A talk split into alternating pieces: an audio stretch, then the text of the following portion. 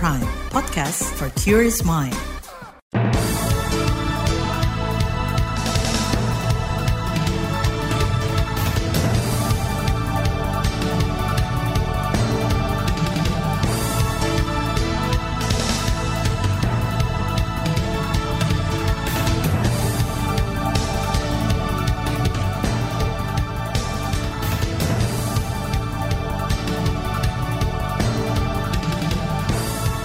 Selamat pagi saudara, berjumpa kembali dalam program Buletin Pagi edisi Jumat 22 Desember 2023.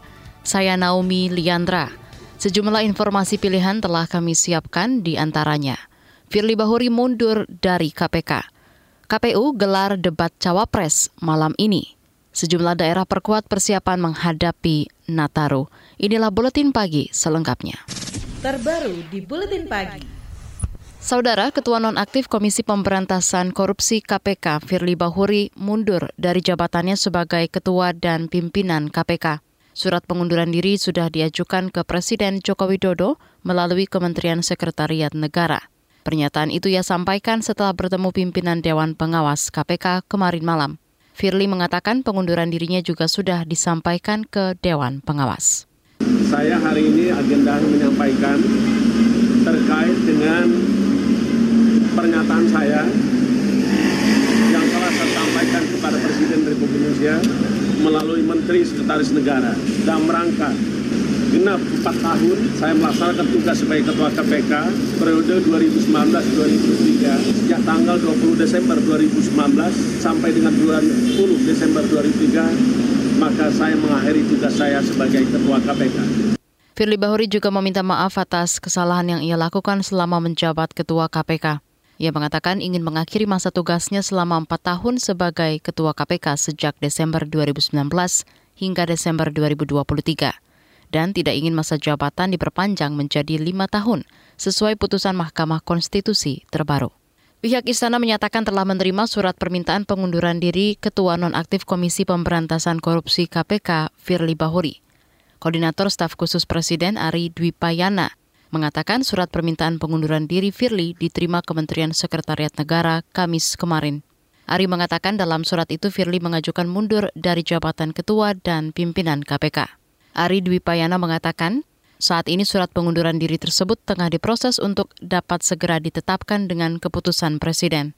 Sementara itu Dewan Pengawas KPK akan tetap melanjutkan pemeriksaan etik Firly Bahuri meski Firly mengundurkan diri. Anggota Dewan Pengawas KPK Syamsuddin Haris melalui pesan tertulis kepada KBR mengatakan, Dewan Pengawas belum menerima keputusan Presiden terkait pemberhentian Firly Bahuri sebagai pimpinan KPK. Karenanya Firly masih dianggap sebagai insan KPK yang menjadi kewenangan Dewan Pengawas. Dewan Pengawas rencananya mengambil keputusan terkait dugaan pelanggaran etik Firly pada akhir bulan ini. Terlebih, kepolisian sudah menetapkan Firly sebagai tersangka dugaan pemerasan. Di lain pihak, bekas Wakil Ketua KPK Laude M. Syarif menilai mundurnya Firly dari jabatannya akan berkonsekuensi pada penghentian proses etik di Dewan Pengawas KPK. Laude mengatakan Firly juga pernah lolos dari sanksi etik saat menjadi deputi penindakan. Saat itu ia diduga melanggar etik karena bertemu bekas Gubernur NTB Zainuddin Majdi pada 2018. Padahal saat itu Zainuddin Majdi menjadi saksi dalam kasus yang sedang ditangani KPK. Nah, ketika mau disidang etik kan di KPK waktu itu dia langsung ditarik balik ke Mabes Polri, jadi nggak lanjut uh, sidangnya karena dia bukan pegawai KPK lagi. Mungkin itu yang ini. Ex-Komisioner KPK Laude M. Syarif mendorong KPK berbenah. Dia menilai tingkat kepercayaan publik terhadap KPK mengalami tren penurunan terutama di era kepemimpinan Firly Bahuri. Sebelumnya tingkat kepercayaan publik terhadap KPK selalu di atas 80 persen. Namun sejak 2021, tingkat kepercayaan terus merosot hingga 65 persen pada 2021. Masyarakat Anti Korupsi Indonesia Maki menilai sikap Firly Bahuri yang mundur dari jabatannya sebagai perbuatan pengecut. Koordinator Maki Boyamin Saiman menilai alasan Firly mundur justru karena sudah terdesak dengan situasi yang ada. Sangat tidak gentle, ya mohon maaf istilahnya ya pengecut gitu. Kalau memang mundur ya kemarin-kemarin gitu. Setelah ini terpepet pra peradilan kalah, terus Dewan Pengawas juga uh, warnanya sudah akan menghukum dia. Terus juga kemudian di KPK sendiri tidak ada yang membela. Dan yang terakhir adalah diduga dia tidak masuk rombongan yang diperpanjang dalam surat keputusan Presiden. Kepres Presiden itu memperpanjang hanya empat orang pimpinan KPK termasuk sementara Ketua Sementara Pak Nawawi. Koordinator Masyarakat Anti Korupsi Indonesia Maki Boyamin Saiman menduga Firly tidak yakin pengadilan akan membebaskannya dari dugaan kasus korupsi yang menjeratnya. Masih terkait Firly Bahuri, Kepolisian Daerah Metro Jakarta Raya berencana memanggil paksa Firly Bahuri jika kembali mangkir dari jadwal pemeriksaan.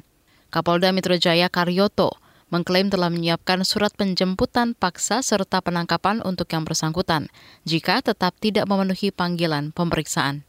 Ada yang biasa adalah perintah apa panggilan kedua kita udah siapkan juga surat perintah membawa ya kalau itu nggak diindahkan ya ada surat perintah penangkapan.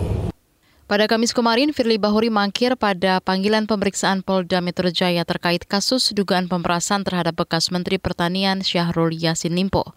Dia mangkir karena ada kepentingan lain yang lebih mendesak. Purnawirawan Jenderal Polri itu dijerat tiga pasal berlapis terkait dugaan korupsi sejak Rabu 22 November lalu. Bank Indonesia mempertahankan suku bunga acuan sebesar 6 persen. Informasi selengkapnya kami hadirkan sesaat lagi. Tetaplah di Buletin Pagi KBR.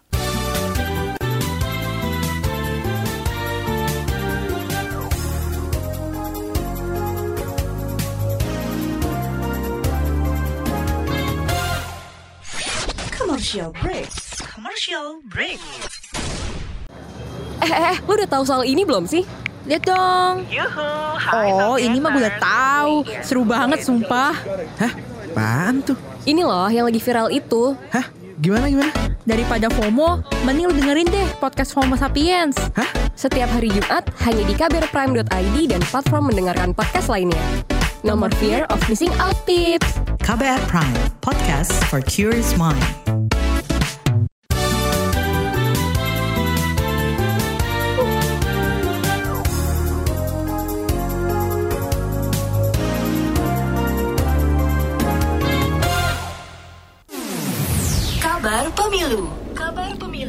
Komisi Pemilihan Umum KPU RI malam ini akan menggelar debat calon wakil presiden. Debat akan digelar di Jakarta Convention Center JCC mulai pukul 19 waktu Indonesia Barat. Debat mengusung tema ekonomi kerakyatan, ekonomi digital, keuangan, investasi pajak, perdagangan hingga perkotaan. Ketua KPU RI Hashim Asyari mengatakan, dalam debat nanti, tiga calon wakil presiden akan diberi porsi yang adil, dengan Gibran Buming sebagai penampil pertama. Nah pada debat kedua nanti penyampaian visi misi program akan dimulai oleh calon wakil presiden nomor urut 2 dan seterusnya. Besok debat ketiga akan dimulai oleh uh, calon presiden nomor urut 3 dan debat yang keempat dan seterusnya. Jadi dimulainya debat oleh calon presiden atau calon wakil presiden nomor urut sekian ini disesuaikan dengan nomor urut. Ketua KPU RI Hashim Asyari menambahkan tak ada perubahan segmen dalam debat calon wakil presiden ini. Debat tetap terdiri dari enam segmen dengan durasi total 160 menit. Kalangan pengamat ekonomi berharap tiga calon wakil presiden menjelaskan visi misi ekonomi kerakyatan dan cara mengatasi akar masalah. Ekonom dari Kor Indonesia Muhammad Faisal menyoroti sejumlah masalah penting seperti isu pemerataan ekonomi, keadilan akses terhadap lapangan kerja, hingga pembiayaan untuk permodalan uh, ekonomi kerakyatan yang diharapkan ini bukan hanya sekedar uh, masalah bagi-bagi bansos ya atau apa bagi-bagi kartu begitu ya uh, yang sifatnya populis tapi yang sifatnya adalah pemberdayaan ekonomi bagi kalangan kelas menengah bawah. Jadi Uh, masalah pemerataan. Ya, jadi perlu ada keberpihakan kepada uh, masyarakat kelas bawah ya, termasuk untuk pelaku usahanya ada pelaku usaha yang kecil, mikro dan bahkan ultra mikro. Direktur Eksekutif Kor Indonesia Muhammad Faisal menambahkan setiap program ekonomi yang ditawarkan memiliki konsekuensi pembiayaan yang akan ditanggung APBN. Karenanya, perlunya penghitungan soal apakah program-program yang ditawarkan para kandidat realistis atau tidak. Masih soal ekonomi, Presiden Joko Widodo berkomitmen menambah stok beras nasional. Menurutnya saat ini terjadi kekurangan pasokan yang berimbas kenaikan harga beras dunia. Sehingga menjadi komoditi beras menjadi rebutan seluruh negara. Semuanya, semuanya. Dan kita ini juga masih terus untuk memperbesar stok di Bulog, kita juga terus mencari agar apa agar cadangan strategis beras kita betul-betul pada kondisi yang aman. Ya. Itu tadi Presiden Joko Widodo. Berdasarkan data prognosa neraca pangan nasional NFA, stok beras pada akhir Desember diperkirakan sekitar 7 juta ton lebih. Kepala Badan Pangan Nasional Arief Prasetyo Adi mengatakan kondisi stok cadangan pangan pemerintah CPP saat ini sejumlah beras 1,2 juta ton. Bank Indonesia mempertahankan suku bunga acuan atau BI rate sebesar 6 persen. Gubernur Bank Indonesia Peri Warjio mengatakan keputusan itu konsisten dengan fokus kebijakan moneter yang pro stabilitas.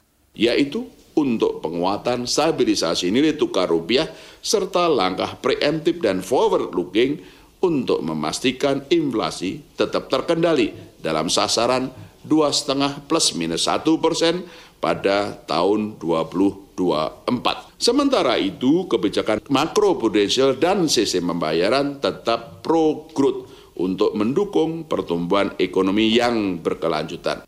Ini merupakan bulan kedua Bank Indonesia mempertahankan suku bunga acuan sejak menaikkan pada Oktober 2023. BI juga mempertahankan suku bunga deposit facility sebesar 5,25 persen dan suku bunga lending facility sebesar 6,75.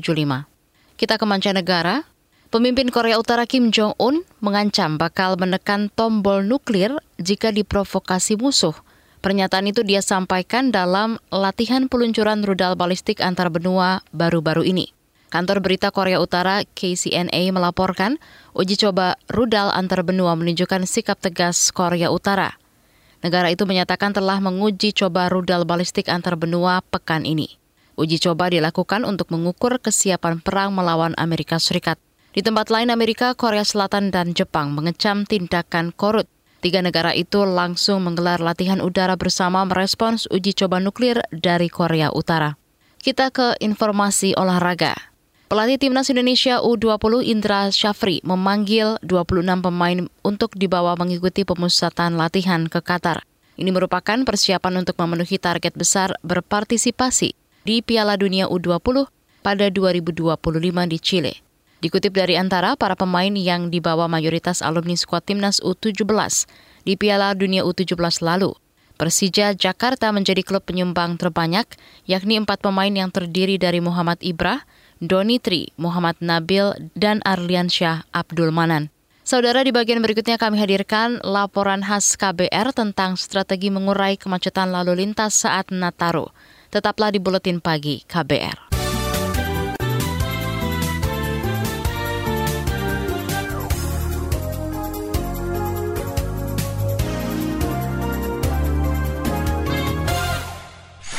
Commercial break. Commercial break.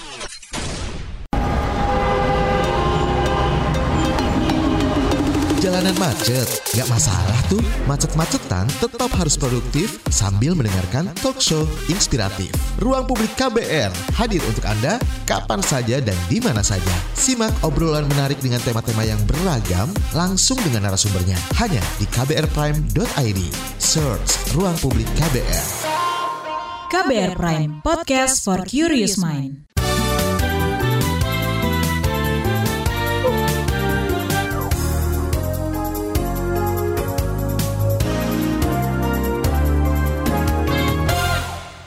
Anda masih bersama kami di Buletin Pagi KBR. Ratusan juta orang diperkirakan akan melakukan perjalanan libur Natal dan Tahun Baru 2024 Nataru Kondisi itu berpotensi menimbulkan kemacetan di sejumlah titik. Lantas bagaimana upaya pemerintah mengantisipasinya? Selengkapnya simak laporan khas KBR disusun Sindu Darmawan. Kementerian Perhubungan memprediksi akan terjadi lonjakan volume kendaraan pribadi roda 4 dan roda 2 saat libur Natal dan Tahun Baru 2024 Nataru. Hal itu berpotensi menimbulkan kemacetan di lima titik, yakni di Jalan Tol Cipali, Pelabuhan Merak, Pelabuhan Ketapang, Bandara Internasional Soekarno-Hatta, dan Bandara Internasional Igusti Ngurah Rai. Kemenhub memperkirakan ada 107 juta orang akan melakukan perjalanan pada momen itu. meningkat 150 persen dibandingkan tahun lalu. Meski begitu, menurut juru bicara Kemenhub, Adita Irawati, jumlahnya lebih sedikit dibandingkan mudik lebaran tahun ini. Namun demikian, kami juga sudah banyak belajar dari pengalaman-pengalaman Nataru maupun mudik, uh, lebaran sebelumnya, sehingga kami berupaya melakukan berbagai rekayasa lalu lintas untuk membuat kepadatan itu tidak menimbulkan kemacetan yang berkepanjangan. Juru bicara Kemenhub Adita Irawati akan menggandeng Kementerian PUPR, operator jalan tol dan Korlantas Polri untuk mematangkan persiapan menghadapi lonjakan pelaku perjalanan. Selain itu, mereka juga akan membuat simulasi berbagai rencana dan sosialisasi upaya rekayasa lalu lintas oleh polisi. Jadi tahun ini meskipun mungkin akan terjadi peningkatan volume, tapi kami prediksi akan bisa berjalan dengan lancar. Uh, selama masyarakat juga terus mengikuti perkembangan dari situasi jalan. Kemenhub memperkirakan 35 persen pemudik akan menggunakan mobil pribadi, 18 persen menggunakan motor, 13 persen menggunakan kereta api, pesawat 12 persen, dan kapal penyeberangan 6 persen. Kemenhub akan menambah pengoperasian pelabuhan dan kapal penyeberangan untuk mengantisipasi kemacetan. Sementara itu, kepolisian mengerahkan 130 ribuan personil di seluruh Indonesia untuk operasi Lilin 2023. Juru bicara Mabes Polri Ahmad Ramadan mengatakan, operasi pengamanan digelar mulai 22 Desember 2023 hingga 2 Januari 2024 sejumlah diskresi akan dilakukan petugas untuk mengantisipasi kemacetan parah. Kita telah menyiapkan konsep ya, konsep dengan mengedepankan pencegahan namun didukung dengan deteksi dini dan penegakan hukum.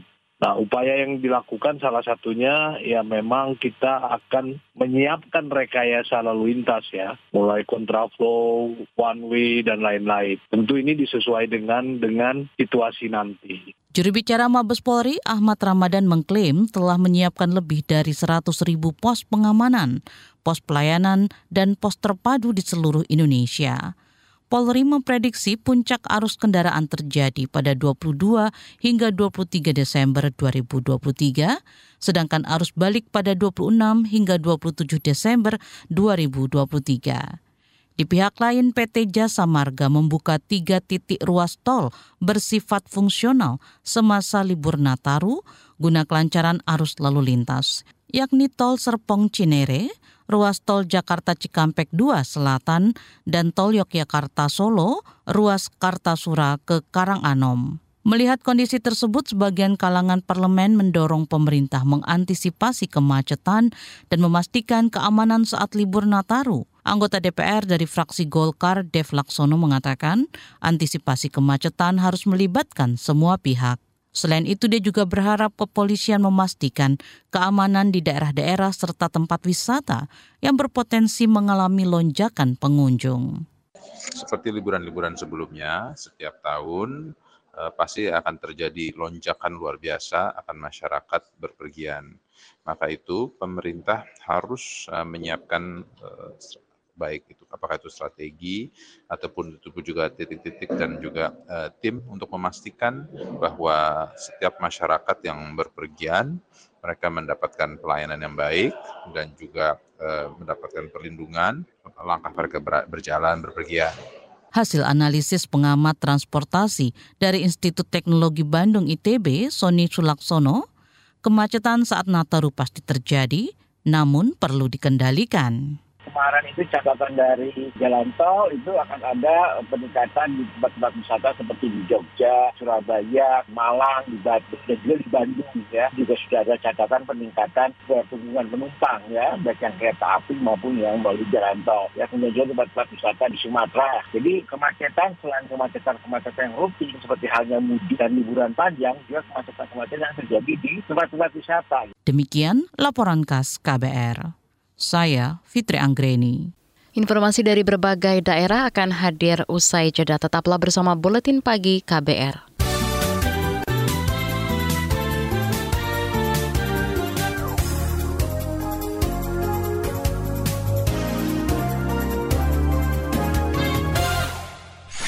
Commercial break. Commercial break. Aduh, hari ini gue bakal capek banget deh. Masuk pagi buta, full sampai sore. Ditambah harus kerja kelompok. Pusing banget. Lama-lama nih ya, kalau kata orang-orang sekarang tuh, mental health gue terganggu. Masih pagi woi, udah ngomel-ngomel aja. Nih, biar lo nggak overthinking apalagi jadi self-diagnose, coba deh lo dengerin podcast Disco. Apa? Ke disco? Disco, diskusi psikologi. Itu podcast woi, podcast. Menghadapi kenyataan dunia emang gak mudah. Tapi jangan sampai kesehatan mentalmu terganggu, apalagi sampai self-diagnose. Cus dengerin Disco, diskusi psikologi, persembahan Into the Light Indonesia dan KBR. Disco membahas beragam topik seputar kesehatan mental langsung dari pakarnya. Disco, diskusi psikologi, hapus stigma, peduli sesama, sayangi jiwa. Simak di kbrprime.id dan platform mendengarkan podcast lainnya. KBR Prime, podcast for curious mind.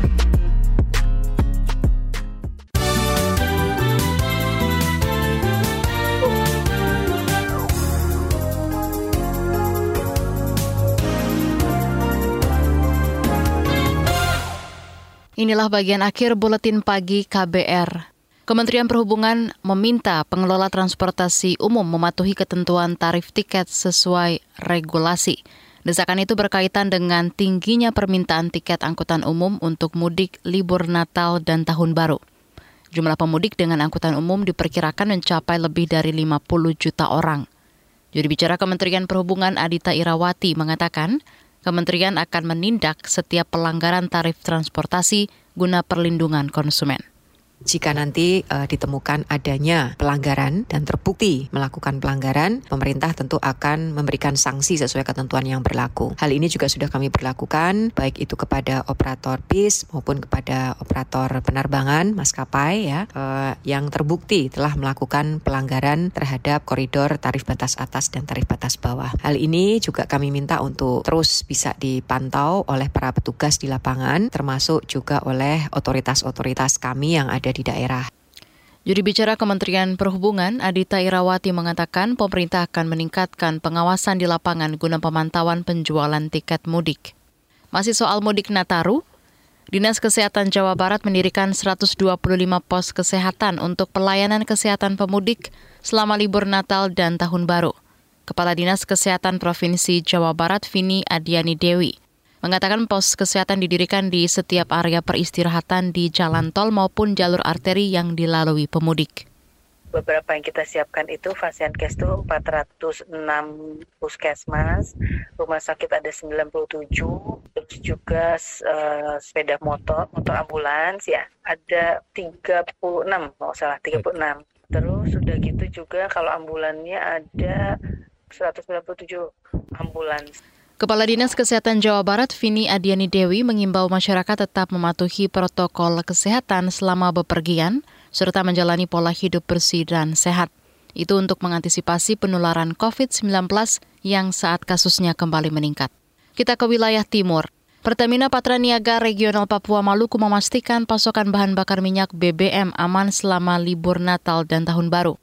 Dikutip dari antara perwakilan Pertamina Patraniaga Regional Papua Maluku, Sunardi, memprediksi konsumsi aftur untuk penerbangan di wilayah timur akan naik dari 645 kiloliter per hari menjadi lebih dari 700 kiloliter per hari.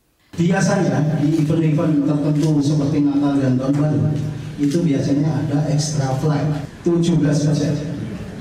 Nah, stok yang ada di regional Papua Maluku spreadingnya di 13 GPP ini itu sekarang kita bisa bertahan 27 hari. Jadi relatif kalau di dunia penerbangan kita agak aman. Perwakilan Pertamina Patraniaga Regional Papua Maluku, Sunardi, mengatakan telah membentuk tim Satgas Nataru untuk memastikan kelancaran distribusi BBM dan LPG. Ia meminta masyarakat tidak menimbun BBM dan hanya membeli sesuai kebutuhan. Kita ke Sulawesi Barat, dua penumpang kapal Bigertron GT6 ditemukan meninggal Kapal itu sebelumnya dilaporkan hilang kontak saat berlayar dari Pulau Ambo Mamuju menuju dermaga Sumare Kabupaten Mamuju. Dikutip dari antara dua korban ditemukan secara terpisah. Sementara dua penumpang lain bernama Ahmad dan Kasiani masih dalam pencarian. Bigetron GT6 membawa total 37 orang. Sebanyak 33 penumpang ditemukan selamat. Kapal tersebut diduga terbalik akibat dihantam gelombang tinggi saat berlayar. Informasi tadi menutup jumpa kita di Buletin Pagi hari ini. Pantau juga informasi terbaru melalui kabar baru situs kbr.id, Twitter kami di akun @beritaKBR, serta podcast di alamat kbrprime.id. Akhirnya, saya, Naomi Liandra, bersama tim yang bertugas undur diri. Salam.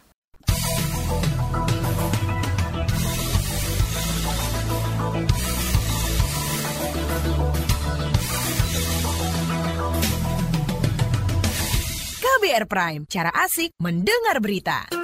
KBR Prime, podcast for curious mind.